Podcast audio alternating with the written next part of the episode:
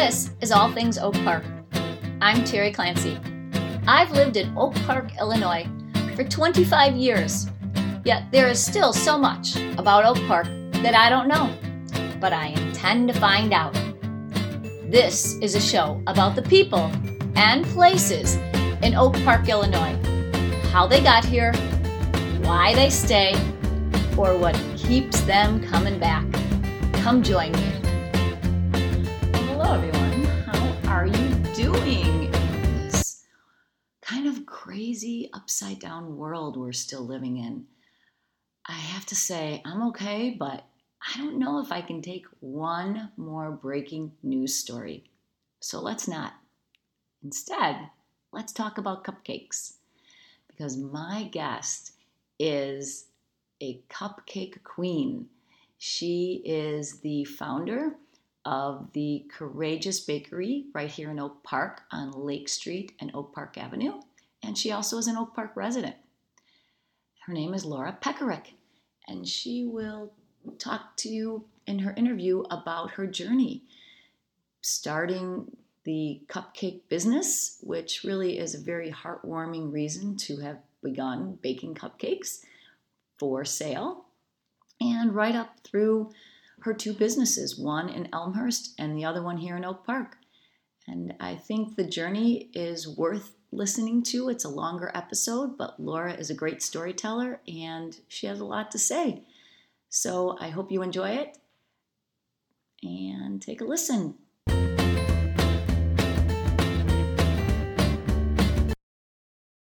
Well, hello, Laura. Thanks for coming on the podcast. Hi, thank you. Nice to meet you, Teresa. You too. Um, so, as we talked off camera, I like to start my podcast out with kind of your childhood. I know that you're the famous, um, courageous bakery lady, but perhaps people would like to know a little bit about um, you before you became that famous lady and um, you know kind of how you got there so if you want to just kind of start out and maybe hit high school or after high school and then we can go from there. Sure um, well i grew up in a under well, with my mom who was very creative i would say. That's part of it. Um, my mom was very creative side and optimistic and carefree and then my dad was on the other side of like responsibility and paying the bills and stuff. So I like to say I got the best of both worlds there, and that's how I kind of uh, managed to get this far. Um, I dabbled a lot as a kid. I'm guilty of like starting things and never finishing, like not seeing them to fruition always. Like I was a beauty school dropout in high school. I played the guitar momentarily, the clarinet. Um, I didn't like Girl Scouts very much. Um, Where did you grow up? What town did you grow up in? So Downers Grove where I was born and raised at Good Samaritan Hospital, and I lived there until I was 18. Okay. Um, so you went to high school and did some of these activities in high school, or? Yeah, well, Girl Scouts was in, Girl Scouts was in grade school, um, and then clarinet was in grade school as well. I think it was like when you were like in sixth grade, you got to pick an instrument and try it out. My mom always wanted to play the saxophone, so like the clarinet supposedly was like the step below that. So I was like, all right, mom, I'm going to try to try to do this, you know. Um, but I dabbled a lot, and I I, I uh, constructed my own doll furniture out of cardboard and painted things. So I think I always had a creative energy, especially with baking. You know, my my mom would bake holiday cookies, and my sister and I would love to do that. My mom cooked dinner. I you know was fortunate, and I had a stay-at-home mom that she'd have muffins and cookies, something usually when I got home from school, and I devour them and eat them. Um, and um, and then in high school after high school i moved out of my house um, that i grew up in and i lived independently. I'm the youngest of four kids and i was the first to leave the nest um, and i was on my own ever since then. Um, wow good for you. Yeah interesting. Where did you move to um, I was in Downers Grove. I first did like a nine month lease with a girlfriend of mine um, to have an apartment as like a trial run. They let us do a nine month lease. And then after that, I bought a condo during like right before the market took a downturn. I bought a condo oh. on one of the wonderful loans. Um, not that I couldn't pay my mortgage. I mean, I was capable, but wasn't the best loan to get into. So um, you kind of probably knew what happened later after that. But I lived there for seven years in Elmhurst. And um, so I did college. I went to College of DuPage for two years. I got my associates from them. And I planned to go to Elmhurst College probably midway through College of DuPage. Like, where am I going to go? Where am I going to get my bachelor's degree? It was never really an option for me or just a huge desire of mine to go away to college. I always felt like that was, and probably because my dad instilled it into me, like slightly impractical, especially with my commitment issues, I think, with getting about hobbies about things. And then, like, you know, maybe they knew something about me that I didn't. So he kind of convinced me to go to COD for two years and then let's see what happens and like where figure out who you are and what you want to do and um, you know, help you get through College of DuPage and and then we'll see. So along that course of time, I found Elmhurst College and they offered this adult fast track program.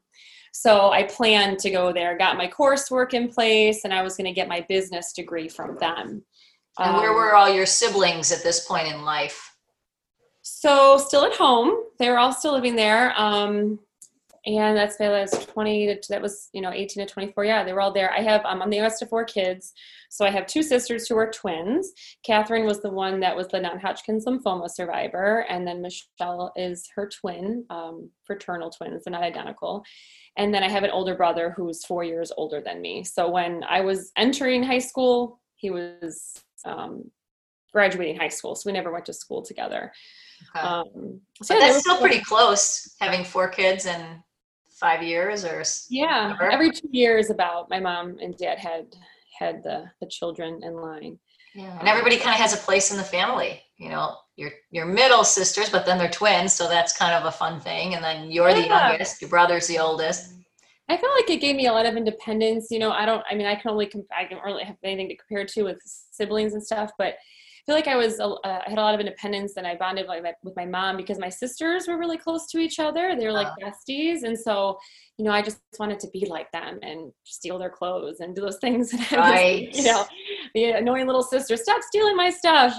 and um, and my brother was like four years older, so we're you know we're close and we keep in touch and everything. But um, he was you know out of high school and significantly older than me, so we kind of did our own thing. Um, but yeah, I, I had a good childhood. I would definitely say. Kind of a funny story off your story. My sister-in-laws, they were five years apart, I think, four or five five years apart. And um, my older sister-in-law would go off to school, but my younger sister-in-law was half-time kindergarten PM, right? But they had a lot of matching outfits. So my older sister-in-law would go off to school in her outfit, very well realizing what the older sister-in-law was older sister was wearing, and telling the younger sister, "You absolutely cannot show up to school in this outfit because I don't want that." But of course, that's exactly what my younger sister in law wanted. Uh-huh. So lo and behold, she would be showing up at PM kindergarten in the same outfit. Only if we knew then that the emulation is the biggest compliment, right? When right. You yeah. At somebody, it's like, wow, like you want to be like me, I should be complimented. But instead, you're just the annoying little sister that's just stealing their stuff and, yeah. and copying their style, and like things go missing, you know. But hindsight's 2020, I guess. Right. So, uh, did you make it to Elmhurst College then? I did. Um, so the program was 14 months, and then I'd have to take six more courses beyond there to actually secure my degree. Um, but I don't know the timing wise. Um, about the same time that I was like maybe mid that program was when my sister got diagnosed with non Hodgkin's lymphoma. So that was a little tricky. You know, when she went into the hospital, um, I decided to quit my job at the time. I had the luxury of felt like doing so. So it was me and my mom mostly at the hospital with Kathy, and I was commuting from Elmhurst College to the city, which was super convenient because, and I lived in Lombard too at the time, but the trains were all right there, and I could commute back and forth and drive. And so the 14 month program, I did commit to that. It was difficult. I remember like studying in the hospital room and and trying to get everything done, but I didn't end up finishing because uh, fast forward when she was you know i kind of took some time to think about it because i was done with the program. It was really intense. It was like one night a week and it was a lot of independent studies. I needed a little bit of a break.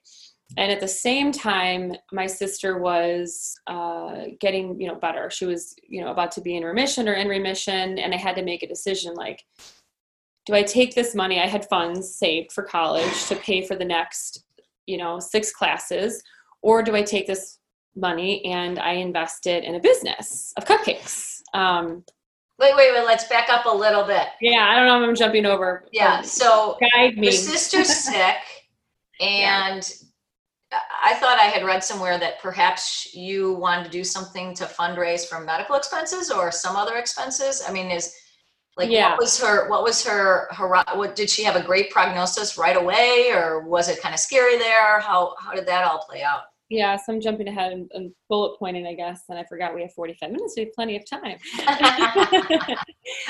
so, so when I was in college, she did get diagnosed with non-Hodgkin's lymphoma. We all got the call. Like she went in for, um, she was very athletic, um, very in shape, healthy, the healthiest of us all, I would definitely say, of our entire family. And we don't have much historical background of illnesses of cancer in our in our family. So she went in because she was working out with my sister Michelle, and her face was like turning blue when she was laying down on the floor doing some kind of activity, and the blood wasn't like blue or red. It was like just getting like purple, like a different color, and something was up. So took her to the hospital, got checked out, and there's a, a tumor like wrapped around an artery that's near her heart, which was causing the blood flow issue. So wow. we got the call all that, you know, that same day, right after the x-ray, and then we're all at the hospital figuring out what's going on. And they had to do an, an emergency biopsy to figure out what was happening. So then it just kind of, it went, after that, it went right into treatment for a year, um, approximately a year of, you know, one week in, one week out, in also in between because you know any you know listeners that have had a family deal with cancer, it's not just the treatment time. There's your your blood cell count goes down. You have to go into the hospital and get transfusions and things like that. So it was a lot of hospital time um, after that. And um, she is a survivor, of course. She's in remission now, but it was a year span where um, she was just in the hospital, and I quit my job to help be with her. Um, and there was a lot of downtime. I mean, I wasn't exactly working per se, and we always baked growing up, and baking became a way for us to take our mind off of what was happening, you know, to talk about these recipes, to taste them, obviously. I would, you know, bake things at home and then bring them to the hospital and have her try them or give them to the nurses, things like that. So it was really an escape mechanism for us. And just before she got sick, side note, we were talking about doing something together. Like we, we both love to cook and bake, and what could we do? Could we start a catering business, something like that? We had this big brunch with our family over just to kind of like see what it would be like to serve a ton of people. And then she got sick. Um, so then during her illness my uh, one of her friends held a fundraiser at a bowling alley to raise funds for her medical expenses because of course she had insurance but it doesn't cover everything. There's definitely a lot of expenses that aren't covered. Transportation for one um, her shots to preserve her ovaries weren't covered under insurance um, so that she could hopefully have a kid one day afterwards. Can you hear that? Yeah but that's okay. Okay because they're doing some construction in my building.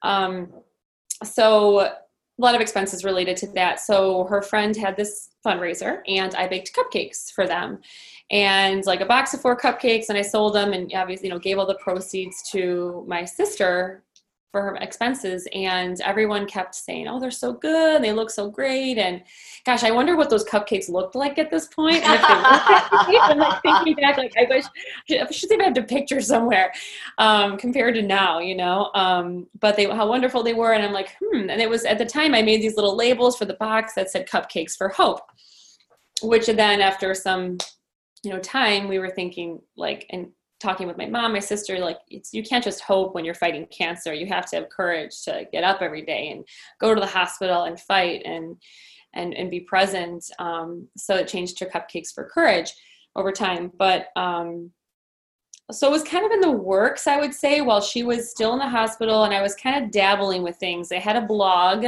where I kind of just, not that I had any followers, it's nothing like a blog that you see today or the blogs that I visit um, to read about stuff. But it just was a way to get my thoughts on paper, test my recipes, kind of figure out like my passion for this. And so I had a blog and documented everything that I did a little bit. And I started a Facebook page at some point. Um, I made a menu of cupcakes. You know, I typed it up and what I would do.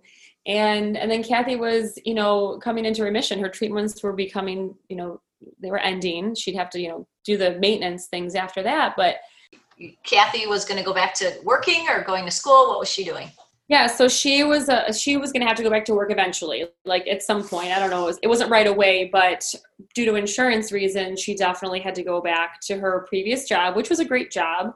Who, long of the short, she met her husband at when she went back, so it all worked out okay. But you know, she had to go back to that job, and I was like, well, what am I going to do now? Like, I did not have a passion for what I did previously, which was a great job. I, you know, made a good living. I was um, I managed a call center for a marketing firm and it was good but i just i wanted to see what this was going to happen with this you know and the food truck market was coming onto the scene in chicago at that point and i had been going to the city for a bit and doing some research and i thought this could be a great way if i can swing it to find an easily managed you know operation. It would just be me. It's cupcakes i'd bake them somewhere put them on the truck and go sell them. So, in lieu of finishing my degree, because at that point I had finished the cohort and I would have to enroll in, you know, like two more semesters of college, but I only had enough money to do one or the other.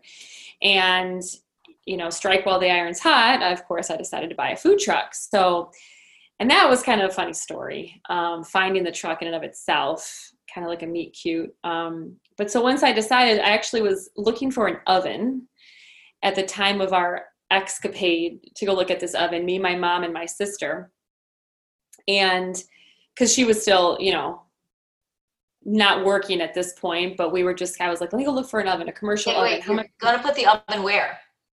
You know, I didn't know exactly.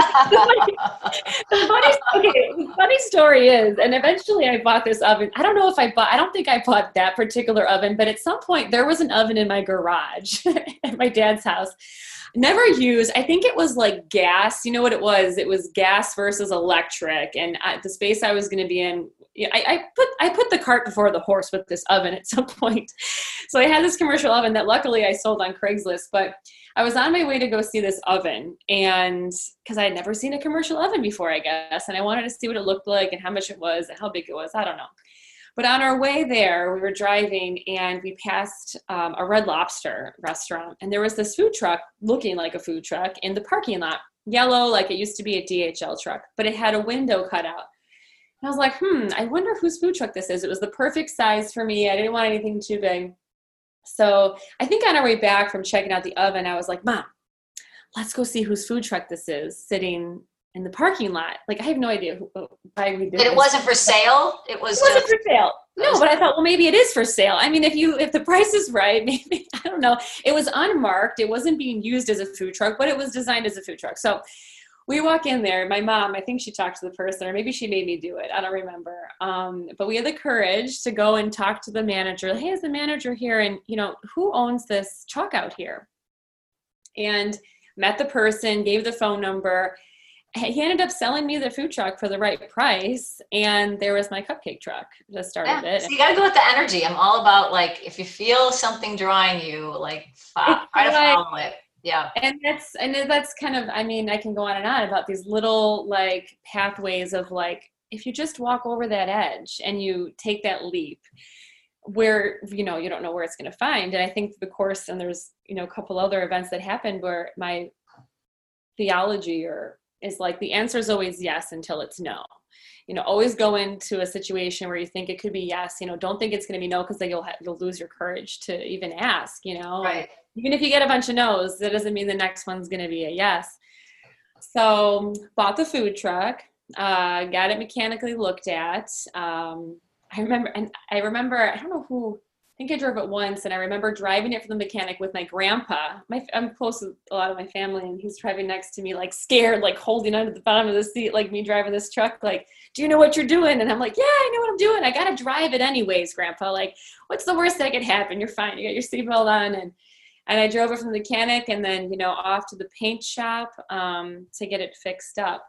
Um, at this point in time, I don't think I even had a kitchen um, to bake the cupcakes in. I didn't know where I was going to do it. Um, so when you have a food truck, you have to have a commissary right. uh, to bake your cupcakes. You know, a professional kitchen that's licensed by the health department, and um, and then you could stock and load them and whatever the you know hold your ingredients and things like that. So my first step of finding a kitchen was to, and of course I did like investigation all on the internet and like what's the recommendations for these things because I had no idea what I was doing. Honestly, I just was you and probably every other person who starts a business. Right? It's like nothing. I had no idea. I just kind of was like, okay, got that, got this. Okay, someone told me to do this. All right, I'm gonna try this out. And if it doesn't work, then I'll then I'll move here. And you can't bake on the food truck? I mean, is this just for serving? Yeah, it's just for serving. So we're called like a mobile food dispenser versus a mobile food preparer, which eventually the city of Chicago put a line in and defined it. So we're a mobile, mobile food dispenser, which we just load the cupcakes pre-packaged. You can't touch the food, and then you can sell them.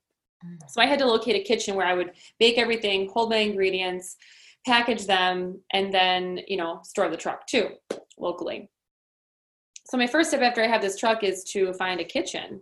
And first I went for nonprofits, but then I realized you can't operate a profit business out of a nonprofit business because although ah. we're for charity and we were our, our right. efforts are in good fortune, you know, good efforts, but can't do that. So I was like, okay, after I spent a lot of time trying to find a place, got so close to a place, a lot, you know, found a great church nearby, had a great relationship with them, and then, you know, squashed that idea.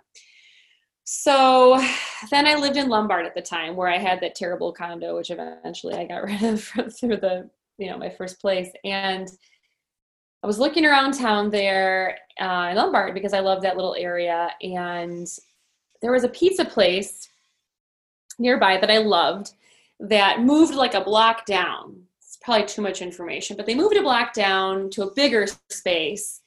And I was like, why did they do that? Because they could have expanded into the corner spot. I'm like, this doesn't make sense. And they're successful. It's called Bricks Pizza, and I love them. And they have a place in Oak Park too. Yeah. Spoiler alert for the end of the recommendations. But walked into his pizza place and I was like, "Hi, is the owner here?" And and it was Bill. It happened to be Bill, and he's like, "Yes, I am. What can I help you with?" And I said, "Well, hi, I'm Laura, and I know you're busy, but I just wanted to know, like, I get your pizza all the time, and and why did you move over here versus just you know opening up the wall and having this great corner location?"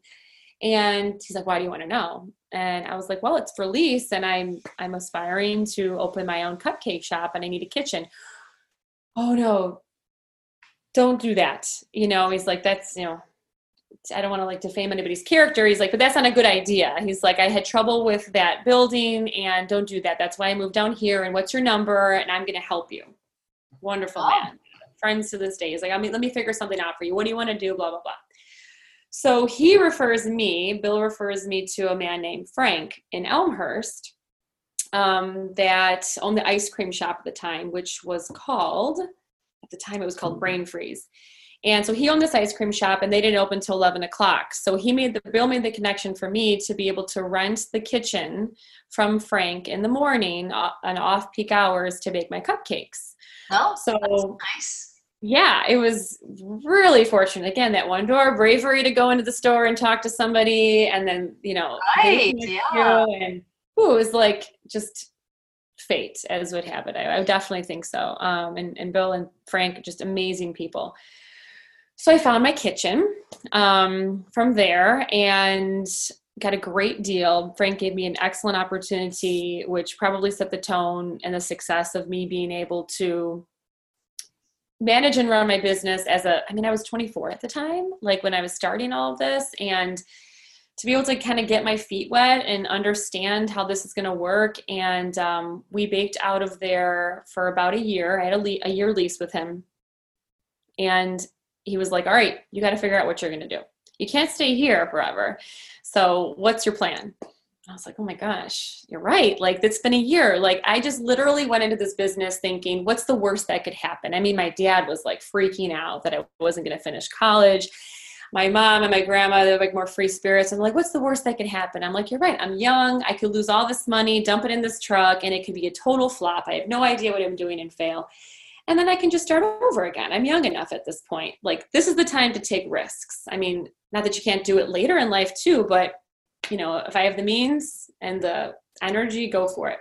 Okay, so wait, let me stop you there. The means. So for a year, you're baking out of uh, a commercial kitchen. You've bought a truck. Like, are, do you have a bunch of savings? Like, how are you? Are you or are you able to turn profit right away? It was my college fund. So I bootstrapped my business. So it was the money that literally was going to be the rest of my college degree that I took to fund the food truck. So instead of continuing my education and taking those, you know, six courses, I decided to, you know, buy the food truck, outfit it. You know, I did a budget. You know, I had a business plan too. I figured out, okay, how many cupcakes would I have to sell each day to like survive? I mean, obviously my overhead at that point was pretty low. I mean, I needed to pay for licensing. I mean, I did all these numbers, you know. Um, I had to buy an oven, all the stuff. I had a budget, I had a business plan, and how many cupcakes I would need to sell if I went out every day to make it work, to give it a shot. And you know, as I as I operated every any profit that I did, I mean, it was just me. Like uh, I didn't have anybody to support, a family, you know. So any excess funds that I had, I would reinvest into my business, buy extra muffin pans. Uh, you know extra tools that would make things easier a larger mixer i mean i literally was i think i would literally was making my cupcakes with these tiny kitchenaid mixers like a home style one which is like a, I think it was up to like a four six quart bowl and with hand mixers. That's what i was using in the very beginning. And then eventually i got a little bit of money and then i found on craigslist a, a 12 quart mixer which i still use to this day 10 years later. Um, but yeah i just kept bootstrapping my business like that. So I was able to survive myself for the first year and pay my rent on time and I enjoyed it. I mean, I, I woke up at you know 3:30 in the morning, got to the shop at four, started baking with my one employee, um, baking the cupcakes, packaging them in the store, loading up the truck. I I needed to. I would always try to leave by like 10 o'clock so I can get the good spot in the city of Chicago to sell them and then I would sell from 11 till whenever I felt like going home, which sometimes was 7 p.m. or 8 p.m. You know, in the summertime, the weather is beautiful in Chicago, and there was all these movie events, and so I just hustle. Um, my mom helped a lot in the beginning. She was my driver, and I was the navigator. And you know, I had a paper map. Your your phone doesn't work in the city, so we had a paper map, and I would like look for spots and see where other food trucks were going, and I just kind of made my way in my truck and my cupcakes. So, and you didn't ever think about vet or going to the suburbs, or it just wasn't dense enough of population? Yeah, at the, I mean, that's kind of like where it's kind of like if it ain't broke, don't fix it. I mean, we did do events. So the predominance of my sales, I went Monday through Friday. I think maybe I did Tuesday through Friday sometimes in Chicago. And then I did do suburban events like you know, as it became more popular, um, festivals, things like that, or I was for hire, you know, uh, customers would hire me to bring the food truck to their event or their party. But it was mostly Chicago. It definitely was more dense. There's definitely more opportunity there. Um, yeah, so I know a couple food trucks would go to the burbs, but you know, it was like you needed, and also when you do consistent, um, like stops, I tried to keep my schedule consistent and my route consistent. So when a customer saw me at noon on a tuesday this day that you know they would come back. And then that's how i began to build my clientele. Because it's different when you're mobile. You're moving around and sometimes you can't find your parking spot and then you get you know discontent customers that are hopefully understanding that i can't control parking. But um, that's how i kind of created like um, reliability in an unreliable environment okay what were your some of your famous first cupcakes back in those days the triple B, which is a banana cream pie cupcake with a chocolate bottom. We still do pink velvet. Uh, it's like a rendition of red velvet, less food coloring in honor, you know, in, um, in thought of breast cancer awareness. And let's see what else. Um, our double chocolate with fudge icing. I mean, at that time, I was crazy. So I had like 50 cupcake flavors and I would change them. I look back now and think I was crazy, but at the time it was just that's what I did. I would change my cupcake flavors every day. Oh my gosh. and so it was crazy. Like and how do you get really good at something this because sometimes batters every cake batter performs differently and every icing performs differently and you know inventory management of your ingredients and your prepped goods it was nuts back then.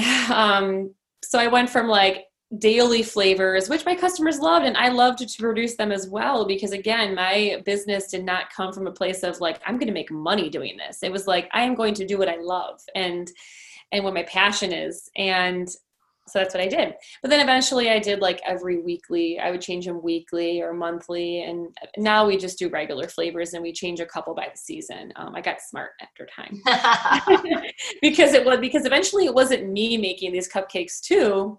It was other people, and that became even harder to control. So that's why we had to make a change. Okay, so you are cooking out of the kitchen for a year, got the the cupcakes on wheels, all spooling around, and then what's the next step up?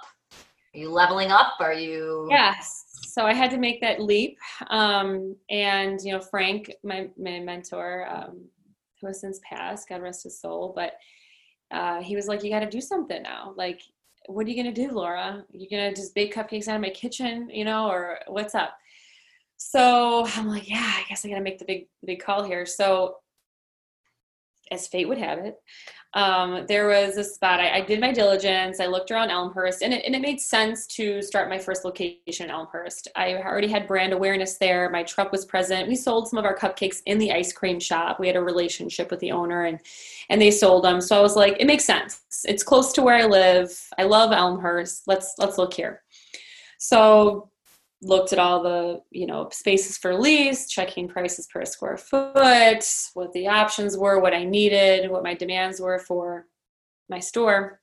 Looking for something small because again i'm like food truck tiny and then like i didn't want to go crazy and go really big.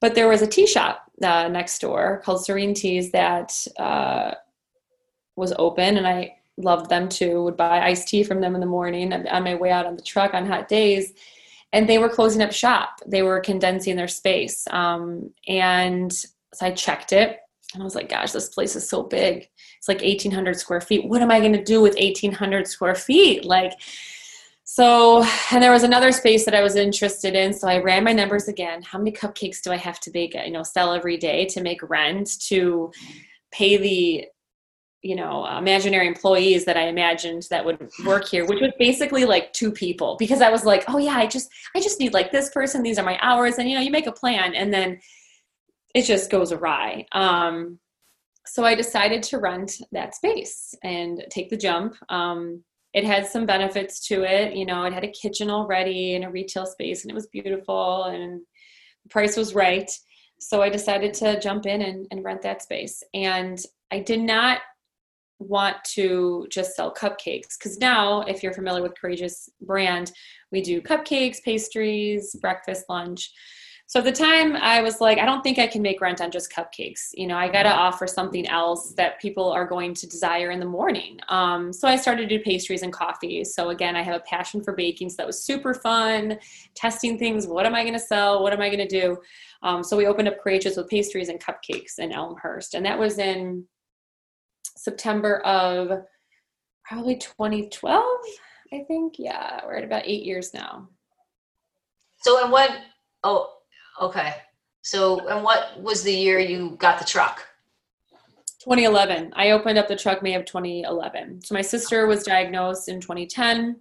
I started the truck, um, but you know, a year and some plus months later, and then it was like you know 15 16 months that i opened up the storefront uh, after the truck. So did the opening of the new shop go really smoothly and you just were on a like an upward no problems uh, escalator of no, what are those? Um, i mean it was i it was very busy right off the bat. Um, i think people were looking for this. I found a niche. And, you know, it's like, again, fate would have it. You know, I, at the same time that we opened up our doors, there was another cupcake shop closing down. They actually offered me to buy their business and I declined because I already, you know, had already my brand and my stuff and whatever. Also, another bakery was closing down at the same time. So, like, literally, two other spots that provided sweets were closing down in town and I was opening up.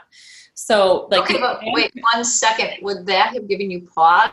Like why are all these bakeries closing did that ever occur to you no. to be honest, maybe I should have thought that. um, you know, I I think that if I, a lot of the things that I I, I did, gosh, I don't want to throw myself under the bus or sound like I don't want to sound dumb and I don't want to sound overconfident, but I think a lot of the things that I did back then it was by heart and I just went by my gut feeling and I saw it as an opportunity. I saw where other people's failures is is where I could, you know, maybe gain insight on and and you know, people close and open their businesses for varying degrees of reasons, you know.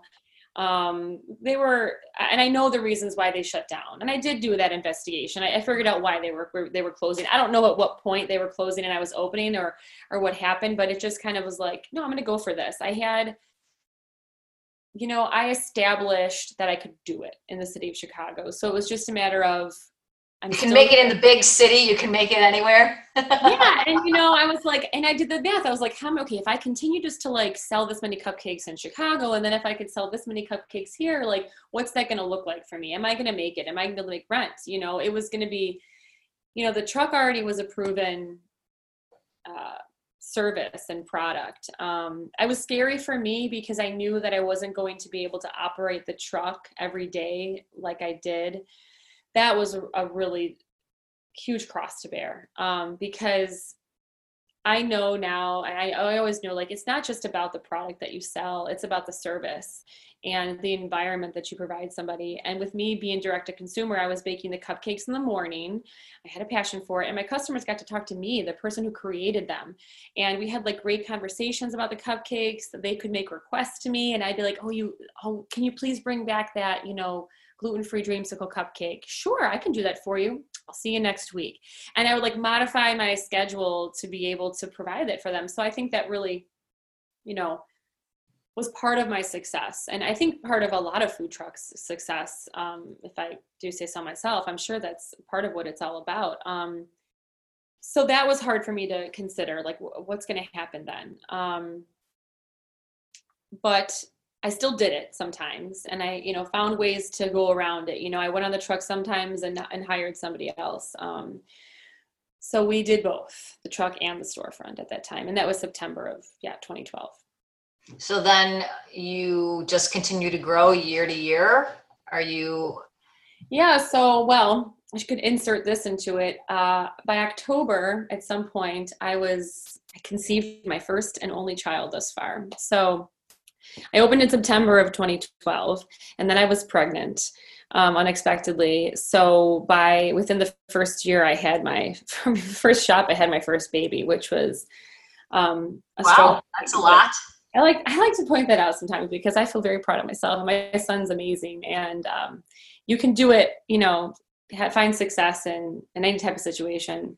Um, so yeah, I just I expanded from there. So within the next year i bought a second truck because i realized that sometimes you get double bookings. You know we were doing a lot of hired for events. So i bought this little mini truck which we call little green which you can see on our website and stuff and, and in elmhurst where it's stored. Bought the first little truck it's a second truck and um, within let's see when did i open up Oak Park? Kept in operation for a while and then i decided to open up the second store which is in oak park now. Uh, we've been there for Oh my gosh, it's gonna escape me now. Three years? Three years. Three years this September. Yeah. It's our anniversary right now. Okay, so Elmhurst is going along pretty well. You get the truck before the Oak Park store or or vice versa? So Green Machine Cupcake Truck in May of 2011. Elmhurst Cafe opened up in September of 2012. I purchased a little truck at some time, you know, in the next year and then it would be 2017 that I uh, opened up Oak Park. So how did you decide Oak Park was going to be the location? Um, Why not the city? Why not yeah. anywhere else, really? yeah, and fate. Um, blame it on fate. Um, I, I looked, I was looking around kind of casually. Um, I wanted to be somewhat close to Elmhurst because at the time I thought that Elmhurst was going to be able to support the second shop um, I would just continue to bake the cupcakes there and, and still make breakfast and all these things out of this little space. So I was dabbling with Wheaton. I saw Wheaton actually the tea shop went completely wholesale and closed down their other retail stores. So she had let me know about it and I looked at that storefront. Price wasn't right. Didn't have the heart feeling and the gut feeling about it. And my son's father lived in Oak Park and he saw the space become for lease and after like the demise of three other bakery type stores, which again, like, oh my God, if you knew the history of that spot in Oak Park, it's really? doomed. Yeah, Har- Harvest, right? Harvest and Red Hen. But okay, but see, Harvest was there, as I understand it, for seven to 14 years or something like that. I thought that they were there for quite a while. I feel like there was another, maybe there was, I've been in Oak Park 25 years and I feel like that maybe was the you are the fourth, but I could be wrong. Oh, you might okay. The water meter said harvest, and that's when I found out like, oh, what's this place? And then Red Hen, but see, Red Hen, I know their personal story behind why they shut down, and and then I saw their space too. So I was like, I saw the in my head i was like i could do something here. I could see where if they if they closed for any other reason you know whatever the reasons were i feel like i can make it here. I feel like i can move this around and i can maximize the use of the square footage. And um I just I had lots of beautiful light and my colors are bright and I just felt it you know I just really felt good there. So again it was much bigger. It's you know now it's I think it's like 2700 square feet and I'm like what am I going to do with this place um, but I, I wanted to grow. So negotiated and lost it though too. So I, I didn't get the space at first. They wanted to give it to, to an Oak Park Eric's Deli. Oh, uh, yeah. We contacted at the same time or something like that. And I was like, oh, bummer. You know, I'm like, all right, well, not meant to be is my yeah, policy right, always been right. like okay well i was bummed you know it was taken away from me and i'm like all right well let's keep looking and see what happens. So looking on the internet looking at spaces find this other space call a real estate agent. It's the same real estate agent and uh, he's like oh i'm glad you called. And um and uh, I was like, well, I was calling about this other space, not not the other one. And he's like, oh, well, you know, guess what? I think we're interested in you again. I'm like, really? Okay. So made that one call that day, and um, and then that's all she wrote. Um, I think people were a little little perturbed that I took over because there was like signs on that corner spot that said Eric's Deli. Oh, yeah, I remember that. Yeah. I think I got like a bad Yelp review or a bad phone call that they were like peeved that it was going to be me and not Eric's Deli. Um, but hey, you know. So then I took over that space. Then. So here's a question I have for you know, and maybe other business owners who maybe do have a successful single shop. Like, how do you make the decision to that you're ready to, well, one, yeah, I guess you have to decide you want to grow, right? So that decision needs to be made. But then once you decide you want to grow, how do you know when the time is right? Or maybe there's, it's like having a baby, no time is ever really hmm. perfect. Like, how did you make that decision? Or do you have advice for other people in thinking about making a decision like that? So, for my speaking from experience, which is I, you know, my you know, preference, of course, um, I felt that I maximized my weekends. So when you're like a, a, breakfast place, if you own one, you know that like Friday, Saturday, Sunday is where you're going to make your money. Uh, weekdays, you're going to break even or lose depending upon the day of the week, and then the weekends is where it's at. Um, and I felt like I was on the cusp of like I can't take any more customers uh, on these weekends. We're going to be too busy, you know. Like I just can't. I can't fulfill it. And I and I I remodeled my space three times over um, in my front of house um, to as I grew to get more seating because I was just doing cupcakes and pastries and we would like ice the cupcakes in the front of the shop so people could see it, you know, production wise. And then I'm like, okay, I need more seats because people are hanging out. Okay, let's push the desk back. Okay, now we're doing breakfast. We got to push the desk back even more. Um, so I created more real estate for my customers to sit, and I was just like, you know, I'm gonna I'm gonna reach this point where like I can't fit any more in here. And I was getting bored. Like it was running well and I wasn't challenged anymore.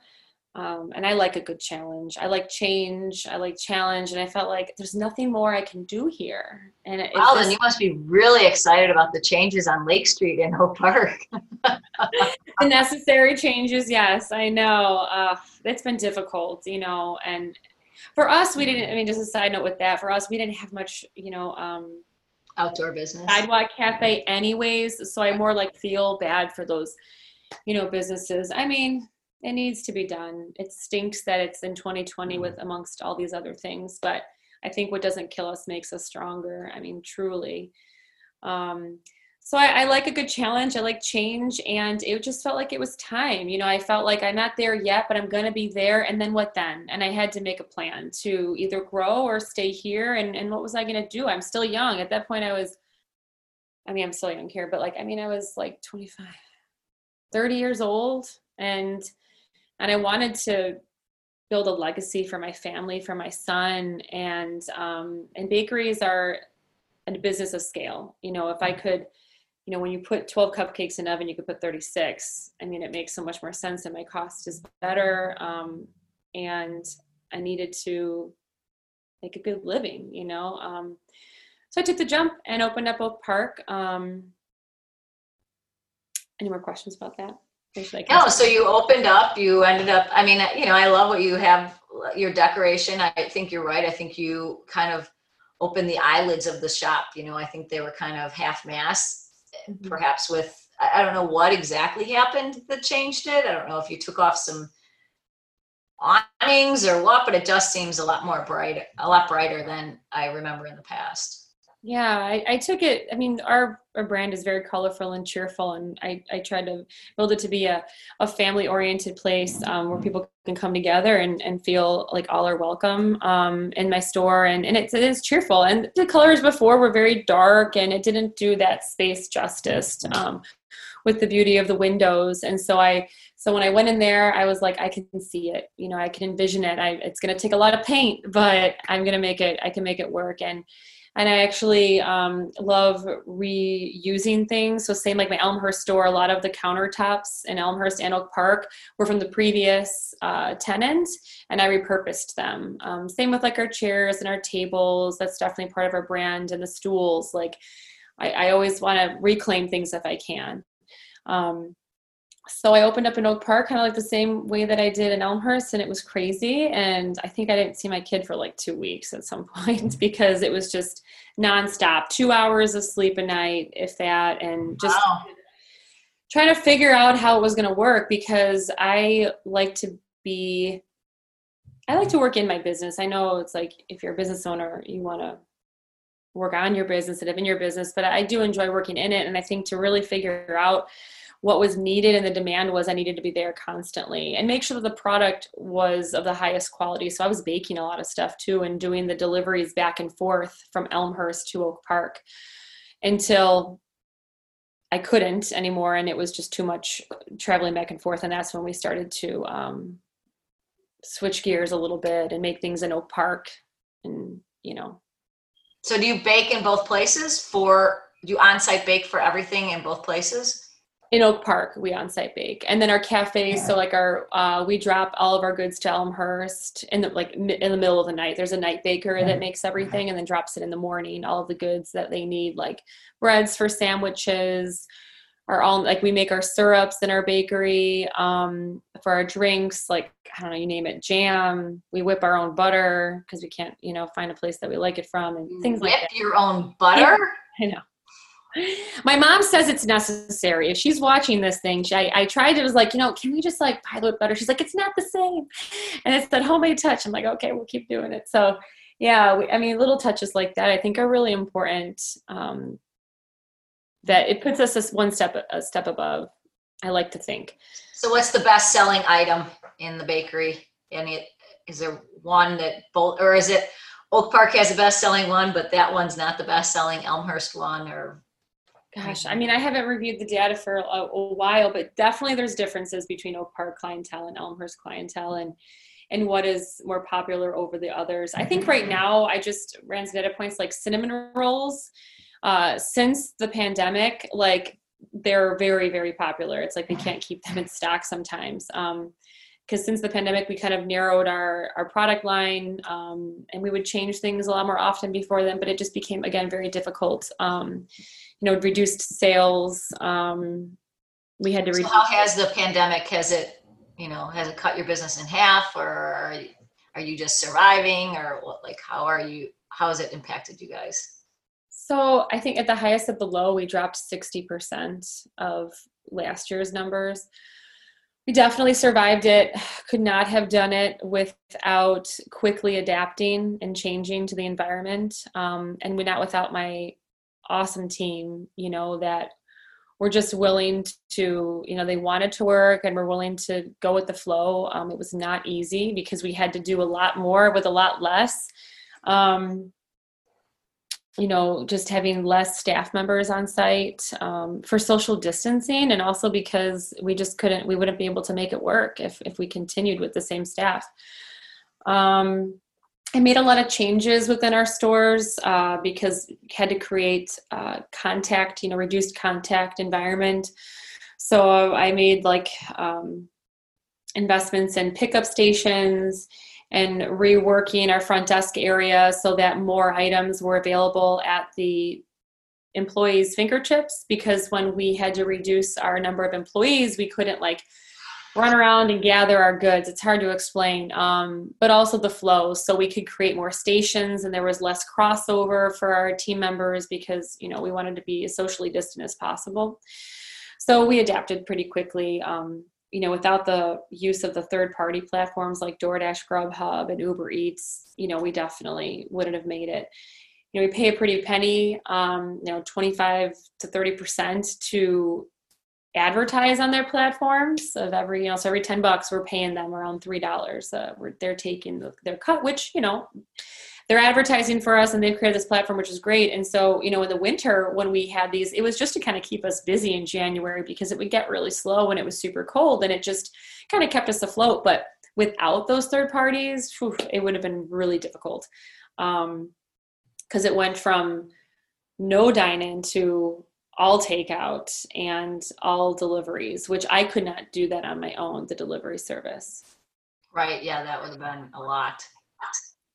Yeah I, I didn't really want to i don't know i just i just didn't want to get i wanted to focus on my food and um, the quality and the different products that we offered instead of trying to figure out how to get the delivery out the door. So we just opted to stick with the third parties and um, i renovated our, our online store. So we have an ex- like all of our products are online. So individuals that just want to pick it up um, i renovated that site. So it's you know what i believe to be much easier to use and for employees to understand how to fulfill the orders which has reduced errors reduced contact all of the above.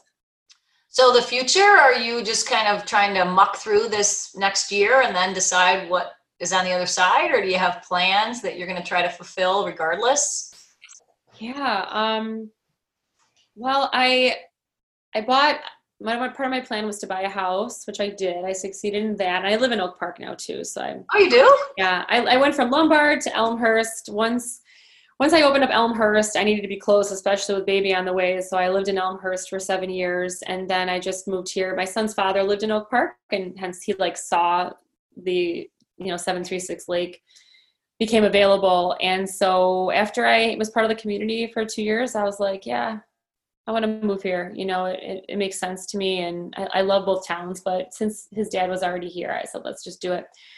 So I moved to Oak Park, really happy here. And this year I was thinking of opening up a third store, but the pandemic kind of put the kibosh on that or put a delay on it. So I am looking uh, for a third location. I already contacted my agent to kind of start looking and dabbling and sticking my toe in the water to see what that would be like and where you're going to keep moving east or somewhere in another town? No, I'm just going to see what opportunity presents itself. right. You have to see what the universe is telling you. So anybody that sees a space, feel free to email me at Courageous Bakery and tell me where to uh, tell me where to look. Um, yeah, I just I feel like if you put something out in the universe, it sounds super cheesy, but if you put it out there, be careful what you wish for, you know, and it'll come to you. You know, it's like I totally agree with that. Totally. You know, when you're looking for a boyfriend, you're never going to find it, you know, or looking for love. But, but the minute you stop looking, it's going to come. And um, right. So I am just kind of waiting it out and putting my feelers out, putting it out there. Um, ideally, I don't want to be like, I'm thinking about like a 10 mile radius from each store. So either from Elmhurst in a radius or Oak Park in a radius, which overlaps. So I wouldn't be like, I'm not going to go, you know, in between here in Elmhurst. Right. Um, yeah you know, maybe I'll look for other bakeries that are closing down and be like, hmm, where they could, where they could not succeed. Right. Yes, it seems to be your specialty. Um, you're like not quite the Black Widow. I don't know what you're like the Black Widow's sibling, or I mean, a child. that makes me feel so bad. so um, and so, let's just get to the end here and wrap it up. It's been a really great interview. Thank you so much. I've had such a nice time talking to you. Uh, now that you are an official Oak Parker and not just an Oak Park business owner, do you have any recommendations for any listeners that either live in Oak Park that want to, you know, follow some good leads or perhaps come to visit Oak Park?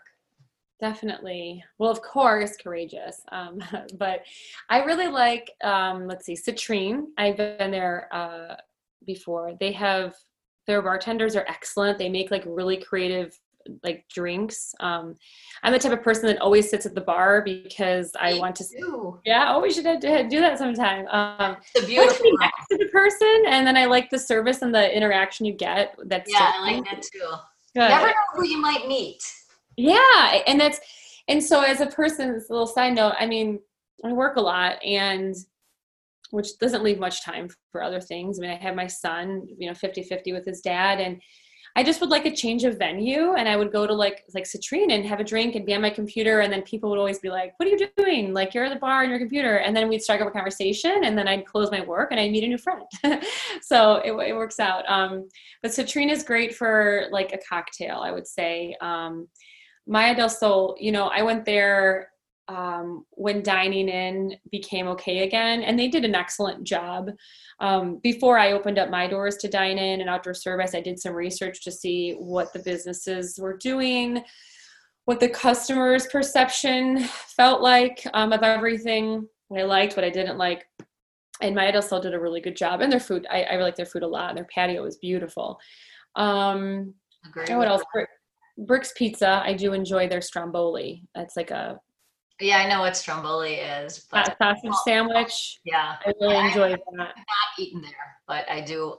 You know, I do plan to go there. I like the space. I like that they have the garage doors. Is it, they have a garage door, right? Yeah, they have the windows that are open. Um, and their pizza's good too. But I just whenever it's my go-to because they have one in Lombard, so I would always get takeout for them, and I'd get the stromboli with the peppers and stuff. What about oh, you? you? What's your what's your rec? What do you like? And oh well, you know, Oak Park Bakery and Hole in the Wall are like two of my absolute favorite things in Oak Park. Um, and you know what? I love just walking around Oak Park because the architecture is so different. Yeah. I, I, have a show in addition to this podcast called um, Where in Oak Park is Terry Clancy? I only have released the first episode, but I hope to tape a couple more this week and kind of put them out every couple of weeks. And um, so if you look on the, um, the, the beginning of that show, you will see a lot of my favorite things. Not necessarily business oh. eat at, but places that I think are interesting. I'm writing. I'm writing it down right my now. My house is so, in so. But all right, well, Laura, I'm going to let you go. But thank you so much, and um, I hope our paths cross. I don't know if I'll be encouraged to see you, but uh, you know, certainly yeah. Oak Parkers is fun. I love that. Yeah, reach out if you're going to be stopping by. I usually spend my time between both stores, um, traveling back and forth, you know, being where I'm needed and just checking on everybody and working. So let me know. I love. I don't think you're exactly a, a, competitor of Amanda's. My daughter works at the Daily Bagel, so uh, you know we do have our allegiance over there if we had to choose. But um, yeah. I think we are complementary, not competitive. So I think we can. Oh yeah, I, I've I've been there. She's they're pretty close to me. When when the first opened up, I did go over there and check it out, and I love it. I mean, I know that I was like waiting for that place to open because I drive past it all the time. Like, when is the Daily Bagel going to open up? Because it was, I mean, a while. I don't I don't know how long it took for them, but yeah. um, I'm excited. I love my kid loves bagels. Who doesn't love a bagel? If you want to know the whole story, you can listen to the podcast. I'm going to absolutely. I know that enticed me. To see what's going on. well, thank All you right. for having well, me. Thank you. Uh, good luck with you know thank waiting you. for the pandemic. I hope to see another courageous bakery not not too distant future. Me too. Thank you for that. I appreciate it. Bye. Bye. Thanks for listening. You can get in touch with me at my new website, Teresa Clancy Law. Find all my contact information there. Bye. Seize the day.